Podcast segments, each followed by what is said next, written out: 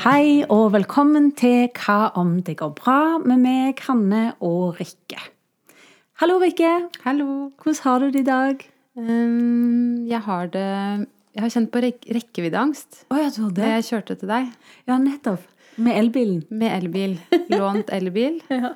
Og så var det fint, for jeg tok det som en mulighet til å øve på å være sammen med uroen min. ja, så fint. Så jeg satt i bilen og kjørte nedover, og så jeg, så så jeg det sto 30 km. Det. Og da var det 20 km hit, så det var jo, burde jo være innafor. Men det går jo fort, og da bruker den mer. Og, Ja. og så kjente jeg det bare skikkelig sånn klump i magen.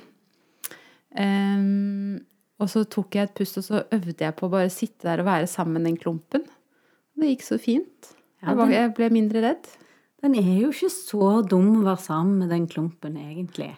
Det er ganske fint. Det er liksom det der vi tror at det er et svært monster, men så er det bare liksom som å prøve å klappe en litt sånn redd valp på hodet. ja, ikke sant? De kan lage mye bråk og styr eh, når de er redde. Samme som uroen kan. Eh, men liksom Får du bare være, og får en bare liksom være litt i det, så er det mer harmløst enn en skulle tro, altså. Ja, det er akkurat det. det jeg, jeg, var jo, jeg kjente jo at jeg, sinnet mitt begynte å lete etter løsninger. Skal jeg stoppe nå? Skal jeg ikke? Skal jeg ta sjansen? Det, det, og det skjedde en sånn masse scenario oppi hodet. Og så tenkte jeg nei, nå skal jeg bare sitte og være sammen med uroen min. Og så bare går jeg mot uroen, så det er å kjøre uten å stoppe. Og så når jeg er sammen med hunden, så blir den jo bare litt sånn som en litt, mindre søt liten hundevalp. Ja, Liksom. det er sånn.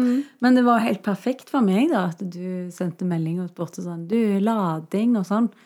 For jeg har vært helt stresset på lading siden jeg fikk elbil. Og bare skjønne alle disse appene og alt det tekniske. Åh, det har klikket helt for meg. Inntil jeg begynte med dette her. Og jeg vet ikke om det samsvarer med urometoden, men det, det funker i hvert fall for meg. Det gjør nok det, altså. Jeg eh, dro av gårde på tur, og så sa jeg til meg sjøl før jeg dro, så sa jeg sånn Nå er det lading og elbil og alt det styret der, så nå kommer jeg til å klikke i vinkel i dag. Så det må jeg bare være forberedt på, at nå snart, når jeg kommer til lading, så jeg må laste ned én app til, eller hvis det plutselig ikke funker, et eller annet som ikke funker, så klikker jeg. Og det rareste av alt er jo at når jeg da liksom var helt klar på det, så gikk alt veldig fint. Kult. Og sjøl hvis det gikk gale, så klikka jeg faktisk ikke. Ja, så fint. Så Så når det var, det var, du hadde gitt deg selv rom til å klikke, ja. så ble det ikke noe klikking? Nei, det gjorde ikke det. Og så jeg sa det til kjæresten min òg, at det, ja, men nå skal vi jo lade, så da kommer jeg snart til å klikke i vinkel, vet du. og han bare så bare uforstående på meg. Og så gjorde jeg ikke det når alt kom til alt. Selv om vi stoppet på én som plutselig da var i ustand. Selv om det i appen hadde stått at det, det var greit. Så måtte vi bare kjøre videre. Ja, nå kommer jeg snart til å klikke. Gleder du deg til det? Tenk hvis det hadde vært sånn i virkeligheten at vi kunne gi et sånn heads up. Nå Ja. klikker jeg snart. Ja. For vanligvis så kommer den surheten og den irritasjonen eller den klikkingen kommer Og du har ikke sjans til å si ifra til noen. Nei, det er sant. Så det, det har funka for meg, i hvert fall. Herlig.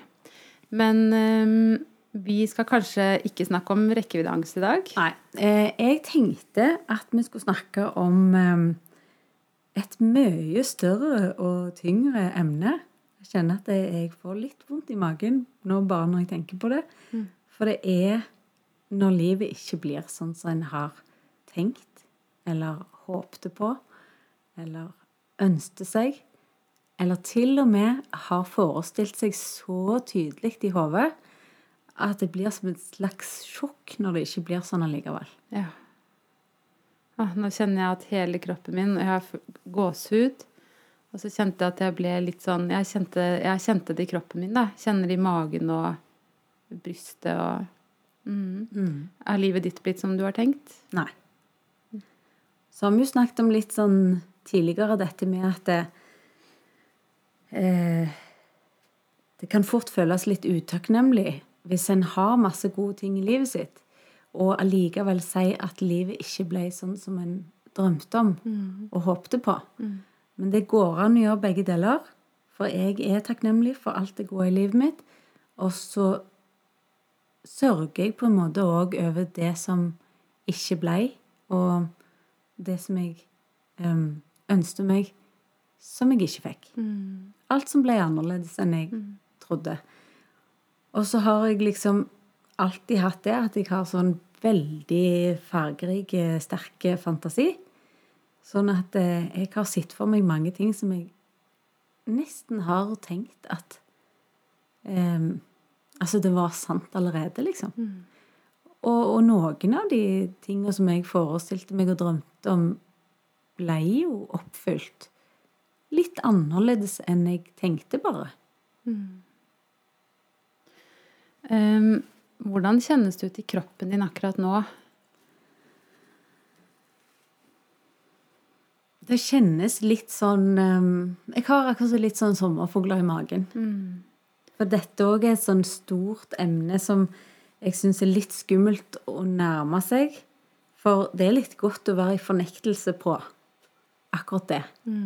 Og våge å se på um, enten det du mista, eller det du ikke fikk. Um, er jo litt eh, Det er vondt, liksom. Veldig. Så er det fort gjort å bare fylle og distrahere seg med ting for å prøve å glemme det. Og en annen ting som jeg har funnet ut, det er da OK, hvis det er liksom Hvis vi tar det der med at det var noe du ikke fikk, da, som du ønskte deg, så er det jo et tomrom der, da. Når du ser at det liksom ikke ble sånn allikevel. Um, jeg ser at det er et eh, fort en sånn handling eller strategi som kommer inn på å um, prøve å fylle det tomrommet med noe. Um, vi har litt vanskelig for Samme som at jeg nå liksom har flytta inn i et nytt hus, så har jeg ikke fått alle møblene mine fra Oslo. Ja. Så må jeg gå og si til meg sjøl at det er helt greit at det står litt tomt i dette hjørnet akkurat nå. Og det øver meg på at faktisk er det litt deilig òg. Ha litt space her, liksom. Men jeg har helst lyst til å fylle opp med all slags ting. Og det sånn føler jeg det er i livet òg, at hvis det er noe du opplever som, som tomt et sted, så vil du gjerne fylle det opp med noe. Så kan en klare å stå på sida av tomrommet og bare la det være tomt der? Ja. Det er skikkelig fint. Og ehm, det som slår meg, er at jeg tror jo ikke det er tomt. Jeg tror det er veldig fullt av noe i det som føles tomt. Det er fullt av smerte. Mm. Og, eller uro. Mm. Det er det samme, da. Eller det er fullt av følelser. Mm, så kanskje det er det som er spørsmålet. Kan jeg tørre å nærme meg de, den uroen og den smerten som ligger i det tomrommet som det føles ut som oppsto i mitt liv, da? Mm. Når det er noe Sånn som for meg så ble det et tomrom etter jeg mista et barn. Mm. Um, og det er På en måte så henger jo det her veldig sammen med dette med uh, tanker og oppmerksomhet. Fordi mine tanker sier jo at jeg mangler et barn. Uh, mine tanker sier at det skulle vært et barn her som ikke er her. Ikke sant? Um, men på en måte så er jo ikke det virkeligheten. Virkeligheten er jo at det ikke er et barn her. Mm. Eh, virkeligheten er også at det er smertefullt å miste, eller? Det er er smertefullt. Men virkeligheten akkurat nå er at det barnet ikke er her. Sånn at eh, eh, på en måte så skaper Det blir et drama, ikke sant? Som sier, og det kan jeg kjenne i, i mitt liv, da kan jeg kjenne noen ganger at det blir sånn Ja, men hun skulle jo ha vært her, og jeg skulle jo hatt en datter, og vi skulle jo ha sittet og tatt på neglelakk sammen, og Ikke sant? Eh, men det var aldri sånn. Nei. Virkeligheten var aldri sånn at jeg skulle jo kunne gjort det.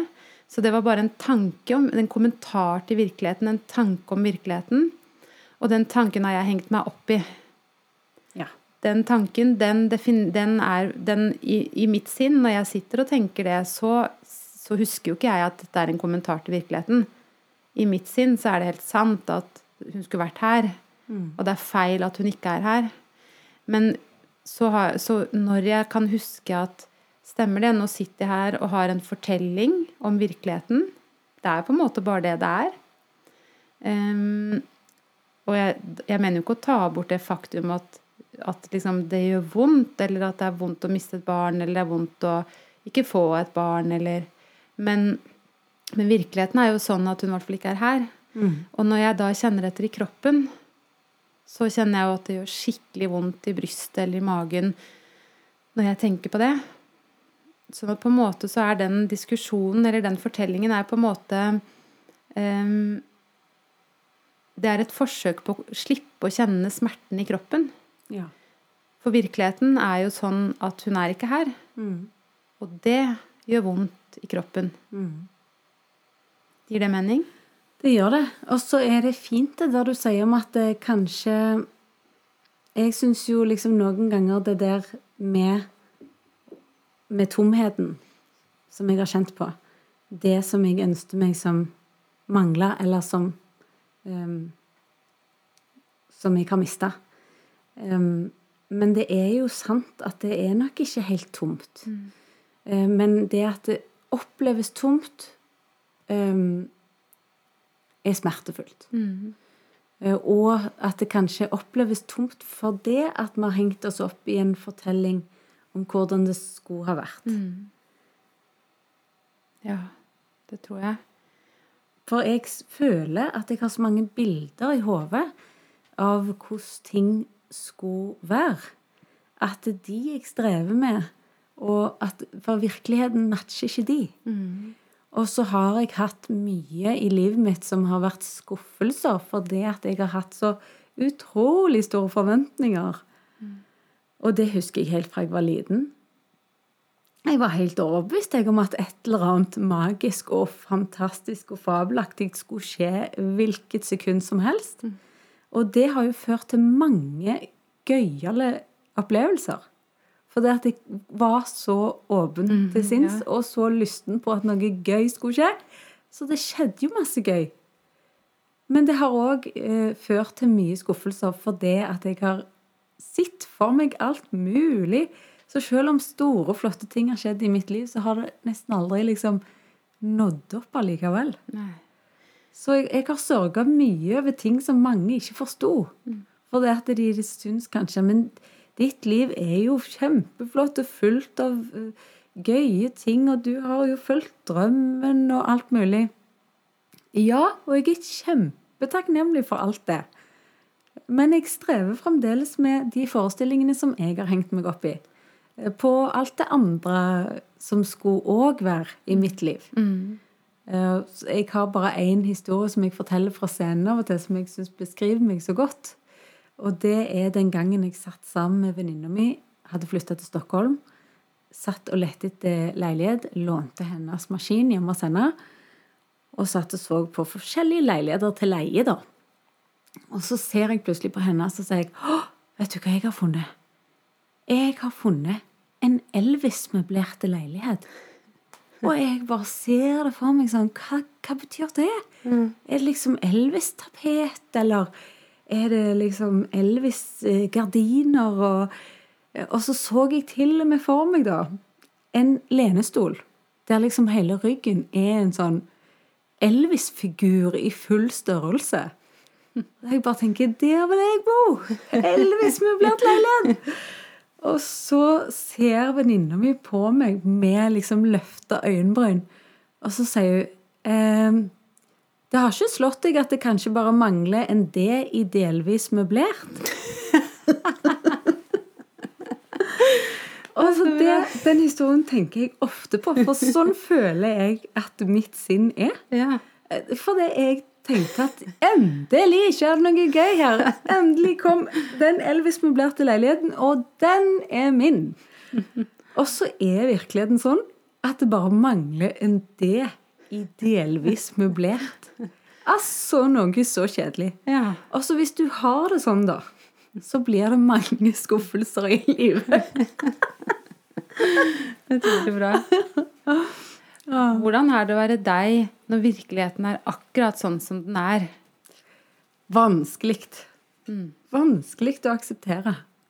Mm. Altså, jeg har jo hatt en slags sånn følelse av at jeg har vært uovervinnelig òg, liksom. Jeg har nærmest hatt magiske krefter for det at jeg har, fikk til så mye av det jeg drømte om òg, som var store drømmer.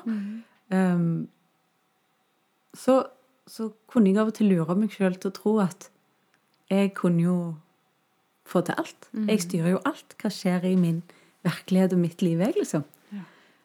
Og så blir det mye som blir vanskelig. Tyngre enn jeg trodde. Um, tar lengre tid. Um, bare er annerledes. Det er masse motstand og masse vanskelig i livet. Og der jeg er kommet nå i livet, så ser jeg jo at ja, det er jo sånn livet er. Men jeg føler jo da at i starten av mitt liv så kom jeg med så veldig blanke ark, høye forhåpninger. sant?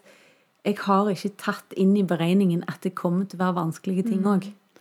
Og det er jo kanskje Selv om barn opplever vanskelige ting da, hele tiden I hvert fall så Alle barn gjør det.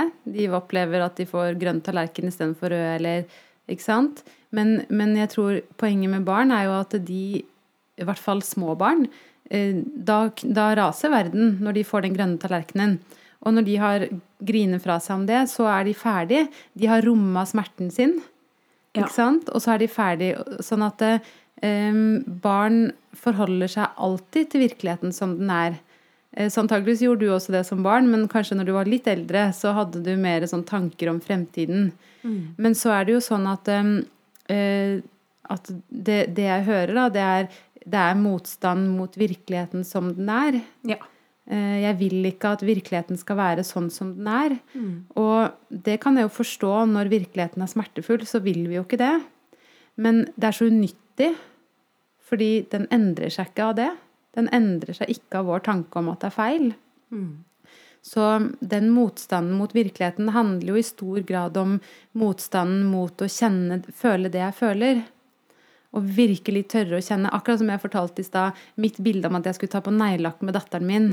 Det, er jo, det har jo aldri det, var, det, var, det er aldri mulig at det skulle bli sånn. Nei. Men det er et bilde som kommer igjen til meg, eller alle de tingene jeg skulle gjøre med min datter, liksom. For eh, hadde du sett det for deg lenge før òg? Jeg tror jeg alltid tenkt det, og alltid tenkt at jeg skulle få en datter, ikke sant. Eller, eh, sånn at det, det har vært et kjempestort drama for meg, da. Fordi at eh, jeg har nå eh, gutt, eller gutter. Mm. så det, det er et drama i mitt liv som har ingenting med virkeligheten å gjøre, men som kommer igjen og igjen og igjen. Ja. Ikke sant? Ja. Ehm, sånn at, mm, og det er jo min motstand mot at virkeligheten er som den er. Ehm, Og din motstand mot å føle uh, smerten. mm, For Så- tror du at den smerten alltid kommer til å være der? ja. Ja. Og sånn, sånn jeg ser det, så har jeg Det er det jeg egentlig ønsker også. Det kjennes veldig ok ut. At det gjør vondt. Fordi at det føles ut som at det er på en måte Det er virkeligheten, da. Eh, sånn at som du sier, når, når det er noe jeg har ønsket i livet mitt, som jeg ikke får, eller ikke når jeg mister et barn, eller mister en foreldre, eller eller når jeg ikke får det huset jeg byr på, eller når, når jeg ikke får Elvis-leiligheten. Ikke sant? Kan jeg forholde meg til at det er sånn det er? Det er virkeligheten. Eh, Men det betyr jo ikke at jeg ikke kan gi plass til den smerten det innebærer. Nei, for jeg føler noen ganger at jeg kan komme inn i dette at jeg, føler at det er uutholdelig Ja. å ha det sånn som dette. Det er uutholdelig å, å være i eh, dette, for det var ikke sånn jeg ville at det skulle være. Og da klarer jeg bare ikke å Sånn som du sier nå, at du tror at den smerten skal være der for alltid. Å liksom tenke på smerten, at den ikke går vekk, liksom. Men at du skal bare Du kommer til å bli bedre kjent med den, og bedre på å sitte med den.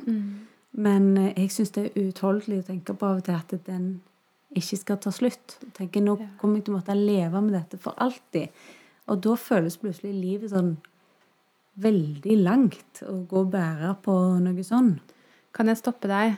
Alt det som du beskriver nå, er jo på en måte tanker. Ja. Ikke sant? Og det er eh, kommentarer til virkeligheten.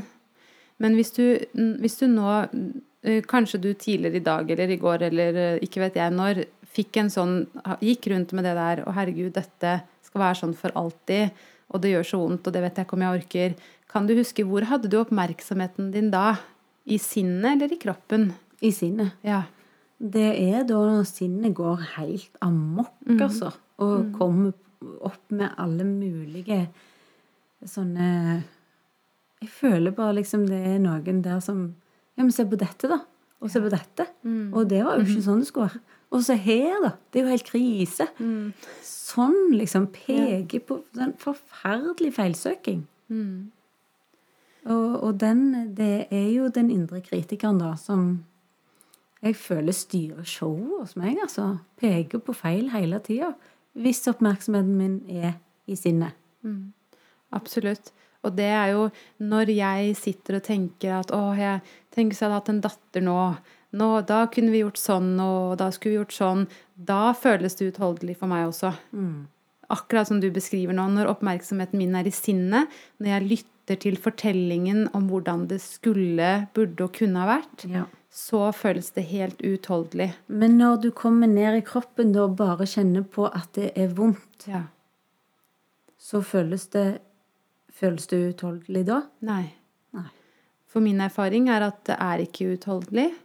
Og det er alltid min erfaring det er at når jeg kommer ned i kroppen og er sammen med det, så gjør det veldig vondt. Men det, det er som en sånn bølge Det, er liksom som en Jeg blir ridd av en bølge inni kroppen. Og så syns jeg ganske fort at det roer seg. Og jeg syns Og det er klart at noen ganger eh, jeg, Det var jo ikke sånn for meg tre dager etter at datteren min døde. ikke sant? Det, sånn er det nå. Eh, Noen ganger så vil jeg jo si at man trenger noen til å være med på å ri den bølgen, ikke sant? Eh, Vi kan gjøre det, eller du kan gjøre det med en venn, eller jeg kan gjøre det med noen.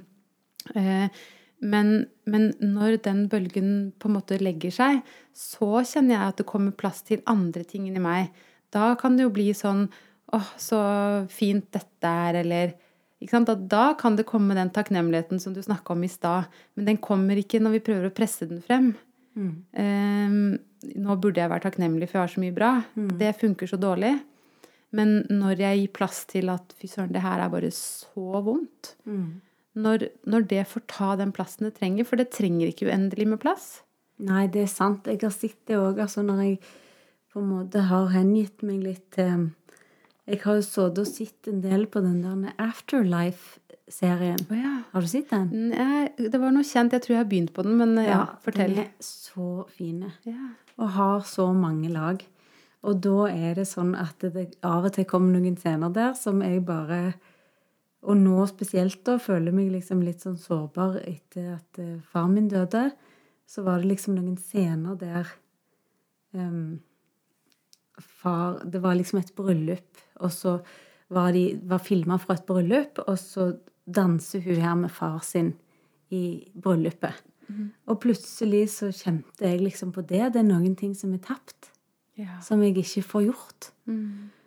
Og så og så da kommer tårene, og Thomas bare 'Oi, hva var det nå?' liksom. Helt oppløst i tårer. Og så da og Det er sånn bølge, på en måte. Det bare kommer over meg sånn. Så, men så går det igjen. Når, For det er jo liksom det der Når tårene kommer, så har han jo ofte fått tak i følelsen. Eller følelsen har fått tak i deg. Ja, ja, veldig bra. Det går begge veier. Ja. Ikke sant? Og, og det er klart at eh, Og da kommer det jo Da kan jo ressurser komme som eksempel eh, aksept. Ja, men sånn er det. Det er virkeligheten at man kan kjenne litt mer ro rundt det, mens da for ti sekunder siden så var det sånn ja, men jeg kommer aldri til å få danse med pappa, og det, det kan, jeg kan jo ikke ha et sånt liv, ikke sant? Men så når, når den får ta tak i deg, så kan man, i hvert fall er det min erfaring, så kjenner, så kjenner man mer etterpå at ok, ja, det er vondt, men det er sånn det er. Det må jeg bare forholde meg til, ikke sant? Så ressurser er jo ikke alltid sånn å, jeg er så takknemlig, og livet er så fantastisk, men det kan også være «Ah, ja, sånn er det. Det har jeg fred med akkurat, akkurat nå. Helt frem til neste gang noe minner meg på at det er noe jeg ikke får oppleve, eller så kommer det igjen En, en tanke om at dette er feil. Det her tenker jeg det er, det er relaterbart helt ned til at eh, noen har spist opp isen i fryseren som du hadde tenkt å spise senere. Ikke sant? Til, nettopp til å miste eller det tap eller ja. Ikke sant? Det kan jo være alt mulig fra Eller skilsmisse eller Mm, altså, det er liksom disse to med noe du hadde som du mista, eller noe som du ønskte deg som du ikke fikk. Mm. Det er jo de to som kan være sånn overveldende smerte. Ja. Og de fins jo i stort og smått. Mm, det er akkurat det. Så Så det handler om forventninger det det. til livet. Ja, og da er det det. Jeg har hatt skyhøye forventninger. Ja. Og det Jeg husker Eller eh, Kaspar sa en gang det, eh, min lærer, da, eh, at eh, Ok, det er ikke sikkert det var ordrett, men han sa noe sånt som at eh, 99% av alle skilsmisser de skjer pga. forventninger som ikke blir møtt. Um, og så sier han også det at det er ikke noe galt med å ha forventninger, for det er menneskelig. Det er helt umulig å ikke ha det. Men man må ta ansvar for sine egne forventninger. Eh, det som på en måte problemet blir når du, når du mener at andre skal innfri dine forventninger. Så det er helt perfekt at du har tonnevis av forventninger til Thomas. Eh, så er det helt perfekt at han ikke innfrir. For da får du mange muligheter til å øve deg på å være sammen med uroen din. Det kan være forventninger som at altså, å legge ned dolokket, det gjør man bare. Og det er jo mange som irriterer seg over mange som ikke legger ned dolokket, ikke sant? Men Dette gjelder ikke meg, Nei. bare så det bare la det være sagt. Det var et helt tilfeldig eksempel du kom med der. mamma sa til meg en gang at jeg ikke legger ned dolokket. Oh. Og det mener jeg at jeg gjør. ja. Så vi kom ingen vei med det. Nei, det eh, men det, det tenker jeg ofte på. Når jeg legger ned dolokket, så tenker jeg se her, mamma. Jeg gjør det. Ja. Kanskje det er bare når jeg er hjemme hos mamma. For du vet, du blir barn når du Ja. kommer hjem til dine foreldre. ja, og så kjenner du kanskje på deg at eh, du har litt sånn press fra mor di Ja. om å gjøre det. Ja, Og så akkurat da begynner du å stritte litt imot. nettopp. Jeg er under press når jeg er på do hos. Mm. mamma og pappa. Men eh, det var én ting Eh. jeg kom på. For jeg husker jo at jeg hør, hørte på um, Guro og Guru-podkasten med Guro og Kasper. Ja. Og da var det en av mine store åpenbaringer. Av og til så tror jeg at det å høre på den podkasten der er grunnen til at meg og Thomas er fremdeles sammen. ja. For jeg fikk så mange gode innsikter, og skjønte at eh, jeg ikke skulle avskrive ting eh, så raskt som jeg hadde lyst til. For det at eh, da sa han noen sånne, litt sånne ting som jeg aldri hadde hørt før. Men som var sånn Når du er i et forhold, så det er liksom Du må bare la den andre være sånn som den er. Det var jo helt nytt for meg. Jeg, jeg føler ikke jeg har hørt annet jeg, om hvordan skal vi prøve å forandre de rundt oss. ja. Um, hvordan skal vi få det til? Ja, Hvordan skal vi endre de sånn at de blir sånn som vi vil? Og så her kom plutselig en teori om å bare la de være som de er, og jobbe med seg sjøl. Men det var jo knallbra, for bare eh, med den nye tanken 'la han være som han er', så var det akkurat som òg jeg så at men herlighet, det er jo helt fint, det. Mm. Han er fin som han er. Og så Det var bare det at jeg har begynt å henge meg opp i at det liksom det, Ja. At det, vi må endre på de andre. Perfeksjonere de andre òg. For all del. Og så mm, Det var det. Og så tror jeg det var én ting til. Jo, det var det der når han sa sånn Det er ingen som er perfekt for deg. Eh, Du møter dritten din uansett hvem du er med. Ja. Så tenker jeg ja, selvfølgelig, det handler om at du skal møte din egen dritt. Eh, Det handler ikke om at du skal prøve å fikse den andres issues. Så det var de to åpenbaringene jeg hadde på at jeg kunne fortsette i det forholdet og se at dette er en mulighet til at jeg kan eh, jobbe med meg sjøl. Og en mulighet til å vokse, ikke minst. Og så har jeg fått så koselig selskap på veien. da. Ja, så fint. Herlig. Og det er jo Det er så mye frihet i å Det er veldig vanskelig å øve seg på å la den andre være som de er. Men det er også veldig mye frihet i det, fordi at det er jo veldig slitsomt å gå rundt og mene at de gjør feil sånn, og de burde gjøre sånn, og de kjøper feil sånn. Men ikke sant? At særlig Det her er jo ofte relevant eller ofte aktuelt med en partner, men det kan også være venner. Det er jo mange vennskap som er vanskelig fordi at noen forventer noe annet enn den andre parten osv. Absolutt. Vennskap er jo utrolig vanskelig fordi at vi har så mange av de. Så å prøve å leve opp til forventningen til alle de forskjellige vennene, det er jo en umulig oppgave. Det er nettopp det. Og ofte så har jeg kjent jeg strekker meg så langt jeg kan, jeg, i alle retninger. Men jeg klarer jo tydeligvis ikke å nå opp til noen av deres forventninger, jeg. Og det er jo ikke en god følelse. Så da er det fint å nummer én stoppe opp og kjenne etter hvordan er det å være meg når jeg prøver å strekke meg etter andres forventninger. For det er jo noe i meg som sier at hvis jeg ikke innfrir, så, så vil det ikke være venner med meg, eller et eller annet sånt. Det er jo mønsteret i oss selv som skjer helt automatisk. Eh, så er det også fint å stoppe opp og se. Og det var en ting jeg egentlig hadde lyst til å avklare når vi snakker om det her med å um, ta ansvar for seg selv.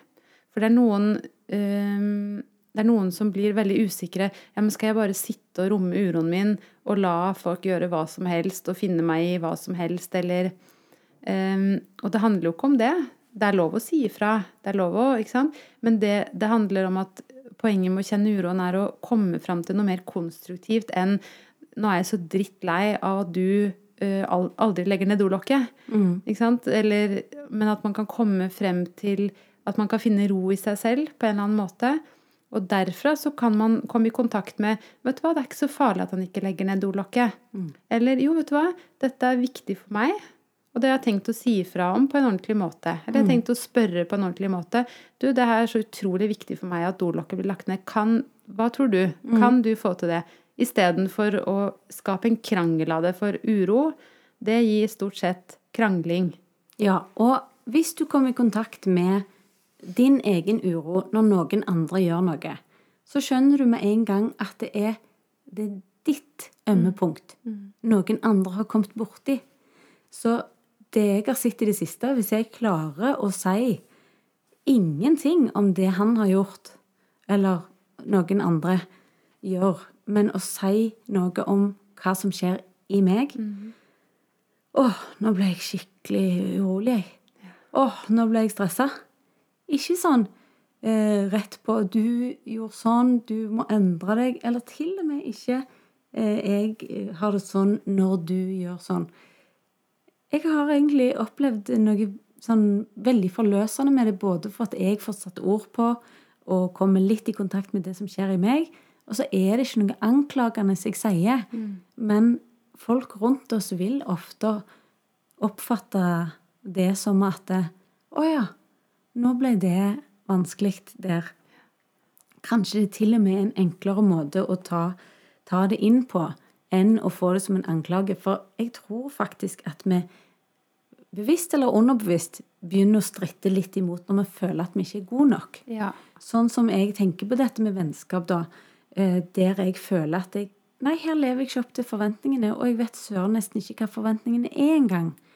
Og det, det er mange forskjellige, liksom. Og da kjenner jeg at jeg har lyst til å vende noen ryggen. Fordi jeg føler at jeg blir stående der og når ikke opp og er ikke god nok. Og det betyr jo da at når vi ser på noen og, og mener at de ikke lever opp til det de burde, så kan det til og med skyve de vekk. Og det Kommer til å gjøre det, kanskje? ja, og det er jo egentlig ikke det vi vil. Sånn at eh, det er rett og slett en liten bekjennelse av hva som foregår på innsida, som er det som trengs for å få formidla til noen andre eh, hva som skjer igjen. Som til og med kan gjøre noe bra for relasjonen. Eller bare det at du er ærlig, er jo ofte det som skal til for at vi kommer litt nærmere hverandre. det, ærlighet vil alltid føre oss nærmere hverandre. Det er min erfaring, da. Eller sårbarhet eh, vil føre oss nærmere hverandre. Og når du sa eh, eller dette med å Kan jeg la partneren min eller vennen min være sånn som de er? Ja, ok, så det betyr at de er surrete eller glemmer avtale, eller kan jeg la de være sånn? Eller er alltid på tiden? Det er så irriterende, for det er ikke jeg, ikke sant? Og det samme kan vi si om det som vi le- innleda podkasten med å snakke om, når virkeligheten gjør vondt. Ikke sant? Dette tomrommet. Kan jeg la virkeligheten være som den er? Kan jeg vende meg mot den virkeligheten jeg har, og våge å se på den, kjenne på den, og flytte oppmerksomheten fra tankene og meningen om hvordan det burde være, og ned i kroppen. Og kjenne ok, det gjør vondt når det, det jeg har sett for meg, ikke ble sånn. Men det er jo i hvert fall um, det, er, det er i hvert fall mye mer nyttig. Og etter min erfaring er det også mindre smertefullt på sikt. Ja. Og så er det jo det du har prøvd å lære meg nå, så lenge vi har eh, jobbet sammen og hatt podkast og sånn, at det ikke er så nøye med eh, hvorfor. Alltid. For det, jeg har jo mange ganger jeg prøver å kjenne på uroen, og samtidig finne ut hvorfor har jeg den uroen. Ja. Men det er eh, Så mange ganger så har jeg jo liksom Så har du sånn vennlig minnet meg på at kanskje er det ikke så viktig med hvorfor, men kan du prøve å kjenne hvor? Altså hvor i kroppen det er. For da får du kommet i kontakt med det. Men det er sånn eh, gammel vane, vond å vende. Vi har nok fått høre mye, tror jeg. At eh, vi skal prøve å finne ut hvorfor noe gjør vondt, og så for da kan vi løse det, og så vil det slutte å gjøre vondt. ja. Så den, den er vanskelig å riste av seg. Det er kjempevanskelig. Og min erfaring er at det skjer automatisk når, så når jeg får uro. Det første som skjer, tror jeg, det er Hva er det nå? Hva skal jeg? Hva, hva gjorde jeg i går? Eller er, hvorfor er det uro her? Akkurat som at sinnet bare sier det er ikke naturlig å ha uro. Sånn at det må være en unaturlig årsak her. Ja, og jeg tenker det samme når jeg har ro, når jeg plutselig har et Ja. Det er jo sjeldne øyeblikk der jeg har ro, men eh, når jeg plutselig har det, så har jeg lyst til å spore stegene mine Ja. og finne ut hva jeg gjorde riktig. For sånn her har jeg jo lyst til å ha det oftere. Um, som da når du har uro, så har du lyst til å, å liksom spore hvor det gikk galt, og hva du kan gjøre med det. Det å være løsningsorientert hele tida. Sånn, det må vi bare fikse. Det må vi bare få vekk. Så, så det er jo en ny måte å gjøre det på, å bare prøve å finne ut hvor det sitter, istedenfor hva det er, eller hvorfor. Og det er jo også når du, når du tenker på eh, sam, Når man har samtaler der ute med venner eller familie, eller, og så forteller vi Ja, nei, i dag har jeg hatt en tung dag, hvis man sier det. Eller å nei, akkurat nå syns jeg det er litt vanskelig. Det første du får, er jo hvorfor det. Sånn, det er jo på en måte Vi er opplært til det. Det faller antageligvis helt naturlig for oss å lete etter en årsak. Det, vi driver med sånn feilsøking der òg. Ja. Bare finne feilen, sånn at vi kan løse den. Og noen av de rundt meg òg, som i, liksom, i beste mening alltid eh, begynner med liksom sånn Ja, men du må jo bare Sånn. Og så tenker jeg ja, nei, her var ikke mye rom for å sitte med uroen sin. ja, men du må jo bare OK, fordi da blir alt greit, liksom. Så Så det, også, det krever Jeg vil si at det krever ganske mye vilje. Fordi at når du leter etter en årsak, så er det oppi hodet ditt. Og på en måte så er det behagelig. ikke sant? Det er liksom ikke, det er ikke så anstrengende å være i hodet. Det bare skjer av seg selv. Mens det å velge å flytte oppmerksomheten ned til brystet eller til magen, det krever vilje. Og det er jo på en måte sånn at det er, det er jo litt kjedelig. Det er jo ikke sånn at det er kjempegøy å sitte og være, ha oppmerksomheten i brystet eller i magen. Nei. Så det krever vilje, og det krever at jeg sier jo, nå, nå kommer jeg på at jeg har lært denne metoden, eller jeg har hørt noe om det. Akkurat nå så bruker jeg viljen min til å flytte oppmerksomheten ned i brystet. Når jeg nå igjen er irritert på at noen ikke har lagt ned dolokk, eller på at noen har sagt noe feil, fordi sinnet vil jo si jo, men du har rett til å være irritert, og kan, nå har du rett til å være sur, eller si ifra til vennene dine, eller Og så sier men akkurat nå velger jeg å bruke viljen min, flytte oppmerksomheten ned i kroppen, og kjenne hvordan det er å være meg. Er du ikke enig? Det er, det er jo ikke veldig gøy. Nei, og noen ganger så går jeg rundt og så sier noe i meg at Ja, men det er nå du kan øve på å romme uroen. Mm. Du vet jo hva du kan gjøre nå, som pleier å liksom stoppe alle de der tankestrømmene, iallfall. Og så er det liksom noe annet som bare sier ja, men det gidder jeg ikke gjøre akkurat nå. For det, og dessuten så er jeg litt i tvil om hele urometoden. Ja. For det, det er ikke sikkert den funker, så sånn var det. Og så gjør jeg det jo etter en stund, og så føler jeg at det funker veldig godt. Men, men det er jo alle disse Det er motstanden. Og den, sånn at når vi er urolig, så, er det, så kreves det vilje til å flytte oppmerksomhet ned i kroppen. Og uroen vil jo at vi skal la være. Uro, eller den indre kritikeren vår vil at vi skal la være. Den vil heller at jeg skal gå og spise sjokolade enn å kjenne på uro, i hvert fall. Den vil egentlig bare holde oss i sjakk i det vante mønsteret. Der vi bare går hele tida og stadig prøver å dempe, finne ut hva som var feil, gå på en eller annen et nytt spor om å finne en løsning, men du går i ring hele tida. Det vil jo den indre kritikeren, fordi da har den en slags kontroll på oss. Hvis vi bare driver og setter oss ned og kjenner på uroen hele tida, så har den mindre makt. Da, blir, da flytter vi oppmerksomheten vekk fra tanken om at ting er feil, og ned mot det som er ubehagelig. Ja, og den indre kritikeren, den kommer vel aldri til å slutte. Nei. Det er jo ikke en dag sånn plutselig så slutter den, så har den gitt opp.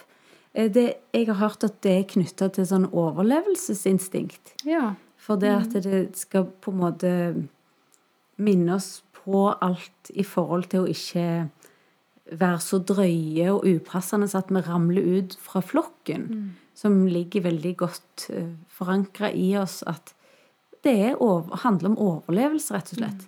Og da betyr det at den indre kritikeren der eh, kommer ikke til å slutte med det første. Nei. Så lenge vi er i levende live, så er den òg det.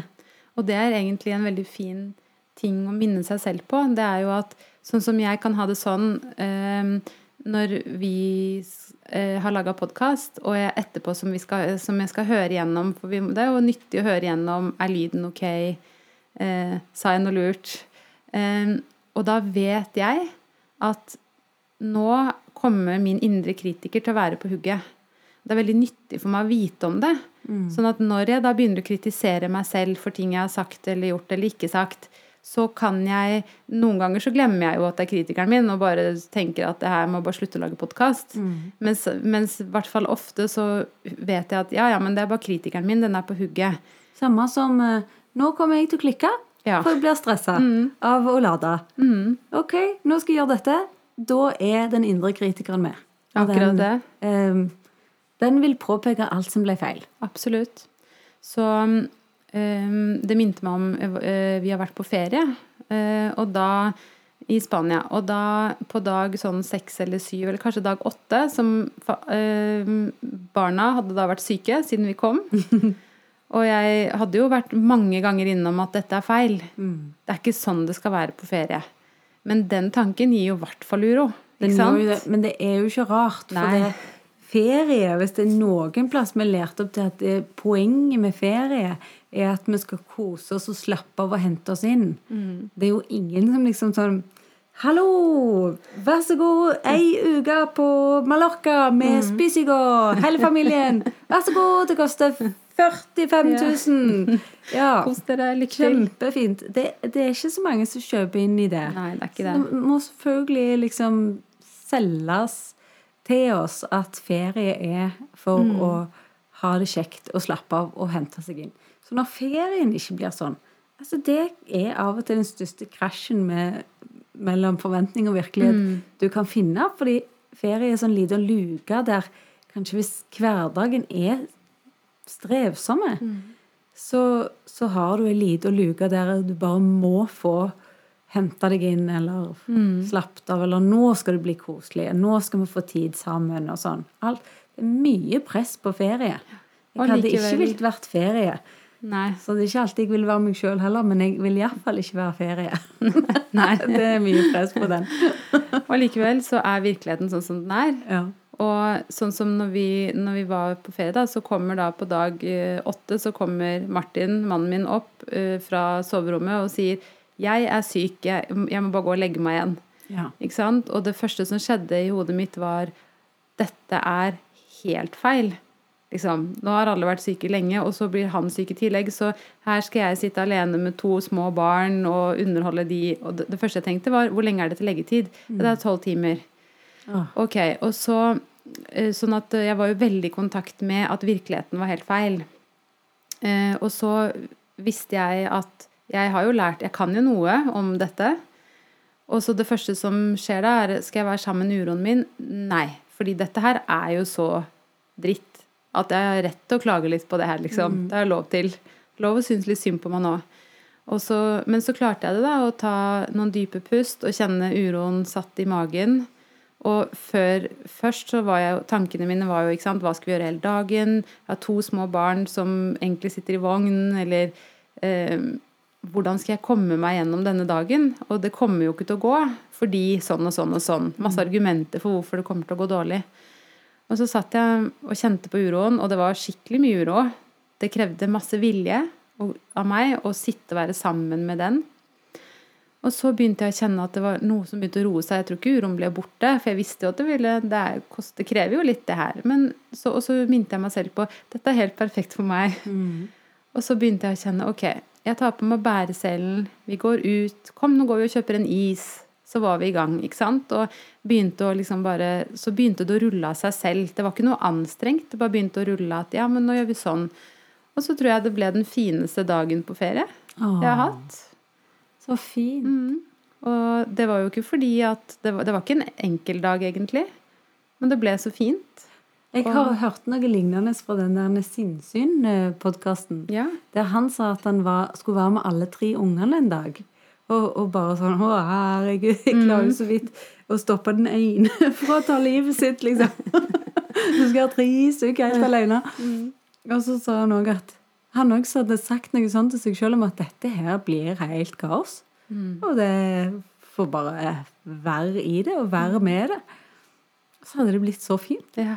For han var bare helt til stede i det som var, istedenfor å rote seg vekk i tanker om at det skulle ha vært på en annen måte. Nettopp.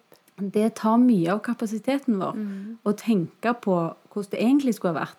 Det er akkurat som du lever to, to virkeligheter. en parallell virkelighet sammen med den virkeligheten du står i.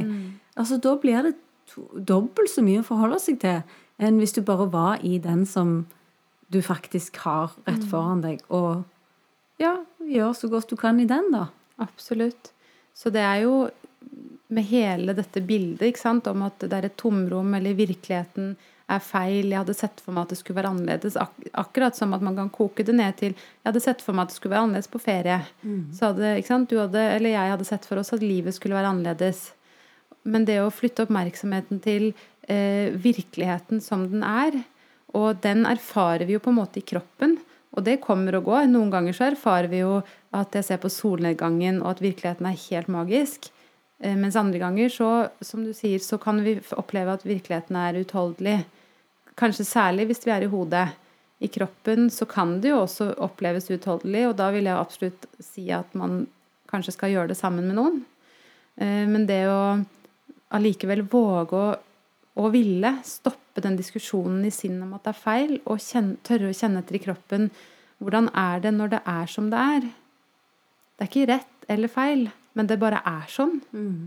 Hvordan er det å være meg når det er sånn som dette? Det er så mange ting som sånn, Livet klarer ikke å oppfylle alle disse forventningene våre. For livet er svart og hvitt og alt imellom. Så det der å bare vende seg mot det som faktisk er, da, og, og kjenne på det at det, det er ikke sånn jeg, skulle ønske, eller det er ikke akkurat sånn jeg så det for meg. Men det er jo noe her som jeg kan være med. Ja.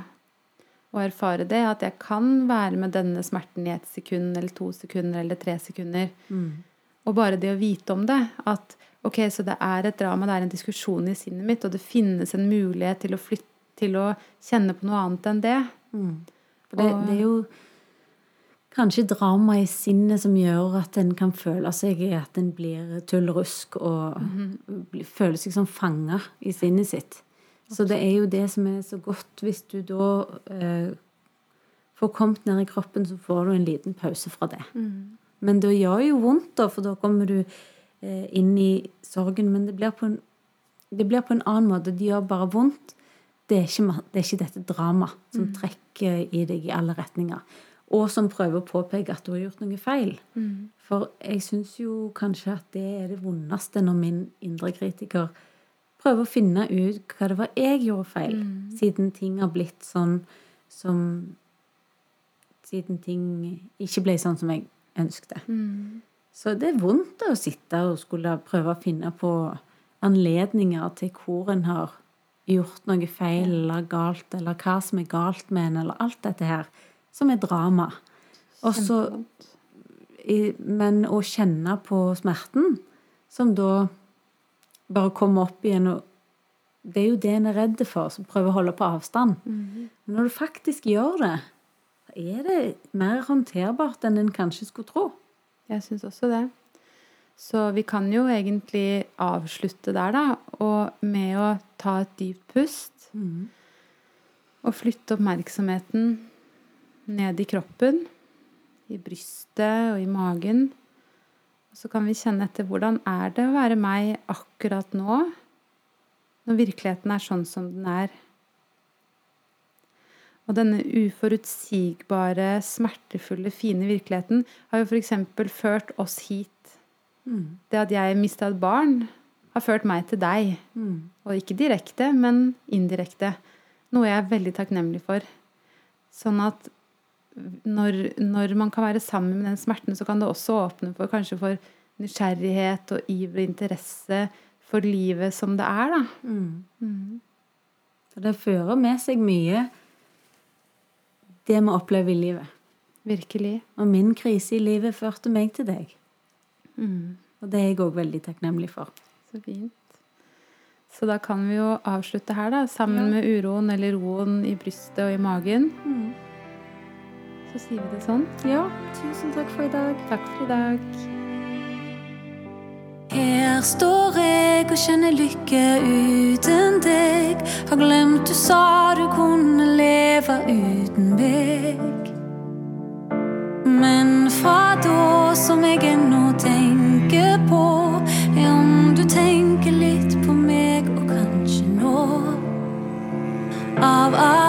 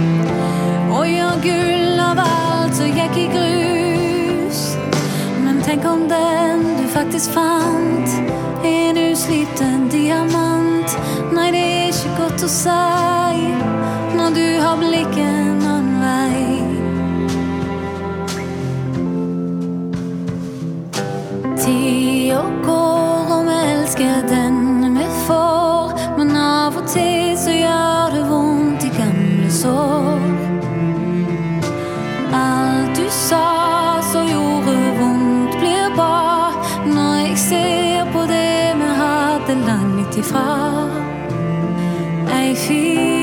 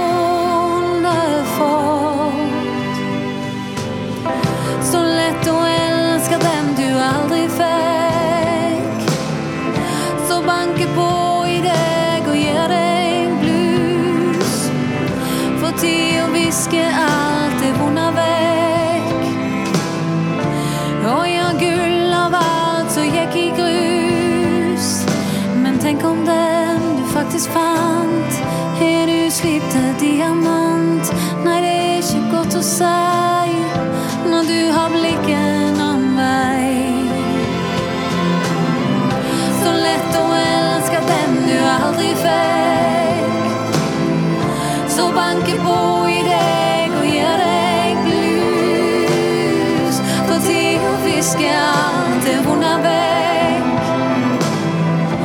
Og jeg gull av alt, så gikk i grus. Men tenk om den du faktisk fant